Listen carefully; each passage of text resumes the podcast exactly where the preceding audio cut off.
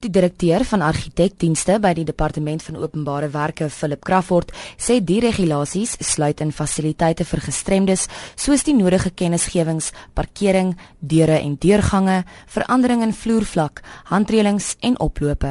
Hy sê egter dit geld net vir nuwe geboue. Die geagte voldoende regulasies het betrekking op alle nuwe geboue. Alle nuwe geboue is aan sekere goedkeuringsprosedures onderworpe. Indien die geboue nie voldoen aan bouregulasies nie, word die planne nie goedgekeur nie. Die huidige regulasies spreek hom nie spesifiek uit oor bestaande geboue nie. Bestaande geboue het onder vorige regulasies geval wat miskien nie so streng is soos die huidige stel regulasies nie.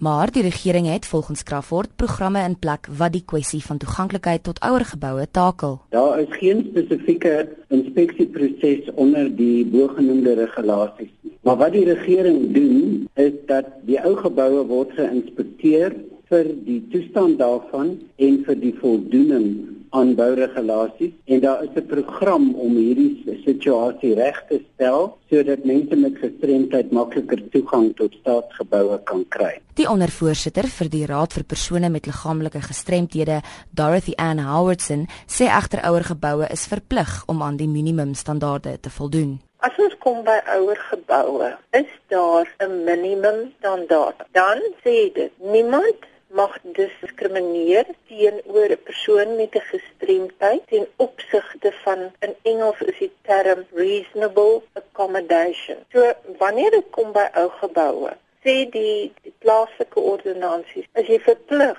om die minimum basiese standaarde ook by te sit, maar daar is plekke waar dit hopeloos verkeerd maak. En dit gaan oor 'n basiese ding van kennis. Sy sê ontoeganklikheid is 'n menseregte kwessie. Dit sluit jou uit van om deel te wees van die gemeenskap. Of dit nou 'n kerk of 'n sinagoge of wat ook al, ons moet begin reg dink. In die wetgewing is daar 'n klousule wat sê ignorance of the law is no excuse. Dit gaan oor jou lewensreg. Hoekom moet ons as persone met gestremthede terugstaan net omdat mense besluit ek gaan dit nie doen nie. Ons kan nie meer sê dat ons nie geweet het. Ons lewe in die 21ste eeu. Ons moet hierdie dinge regdoen.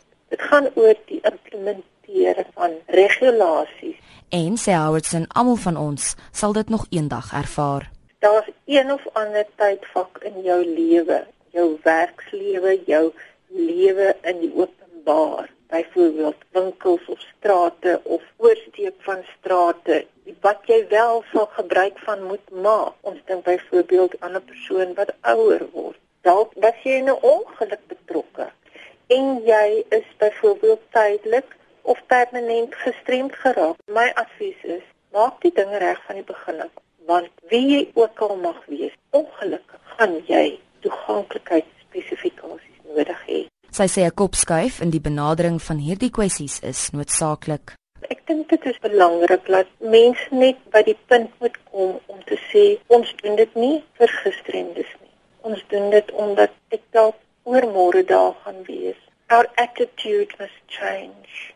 As ons nie 'n kopskuif maak in hierdie ding nie, gaan ons maar altyd sorg dat die eie ek die wenner is. Môre is jy daar waar ek vandag sit. Ek sê party mense vir my ek nie emosioneel raak nie. Dit het niks met emosie te doen. Dit het te doen met die werklikheid. Dis ons lewe.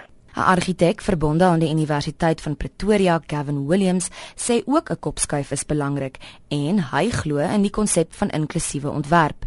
Die idee dat geboue so ontwerp word dat mens nie besef dit is ingerig vir fisies gestremdes nie. Dit gaan obviously oor toeganklikheid, goeie ramps en 'n uh, gemaklike saltrappe en enige signage of enigiets wat daarmee saamgaan. Dis 'n logiese goed wat deel is van 'n ontwerp. Wanneer mense gebou benader, 'n baie definisie van 'n physical disability. Ou oom en 'n ou tannie wat hande vashou om met die trappe op te gaan of so, dan moet die trap byvoorbeeld wyd genoeg wees of die voordeur moet wyd genoeg wees. So dis allerlei klein aspekte wat 'n baie groot verskil maak. Jy as ontwerper daar besluit reg maak kan 'n baie groot effek hê op die gebruikerservaring. Dit gaan baie as net om te ontwerp vir die persoon met die gestremdheid. Enige ontwerpbesluit wat jy maak, wat 'n bydrae maak tot toeganklikheid, net die ontwerp op sigself verbeter. Hy sê toeganklikheidsregulasies wat ontwerp betref, moet nie as 'n beperking beskou word nie. Dit is nie 'n nagedagte wat jy nadat jy die gebou ontwerp het, net gou 'n checklist van vat en kyk, jy weet, is hierdie wyd genoeg, is daai skyn genoeg, jy weet, is tog genoeg handreëlings, is die ligte genoeg.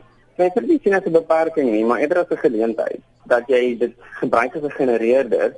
Volgens Williams, wanneer dit kom by toeganklikheid, is daar nie plek vir verskonings nie. Dit is iets wat regtig meer aandag kan kry. As mens enigsins met besluit of iets inklusief is of nie of dit toeganklik is of nie, spesifiek nou vir, vir mense met gestremdhede, is die antwoord of ja of nee. Daar's nie werklik 'n grys area nie. Dit either complies or it doesn't comply daar's nie iets soos gedeeltelik toeganklik nie. Dit was Gavin Williams, 'n argitek verbonde aan die Universiteit van Pretoria. Ek is Joan Marie Verhoef vir SABC nuus.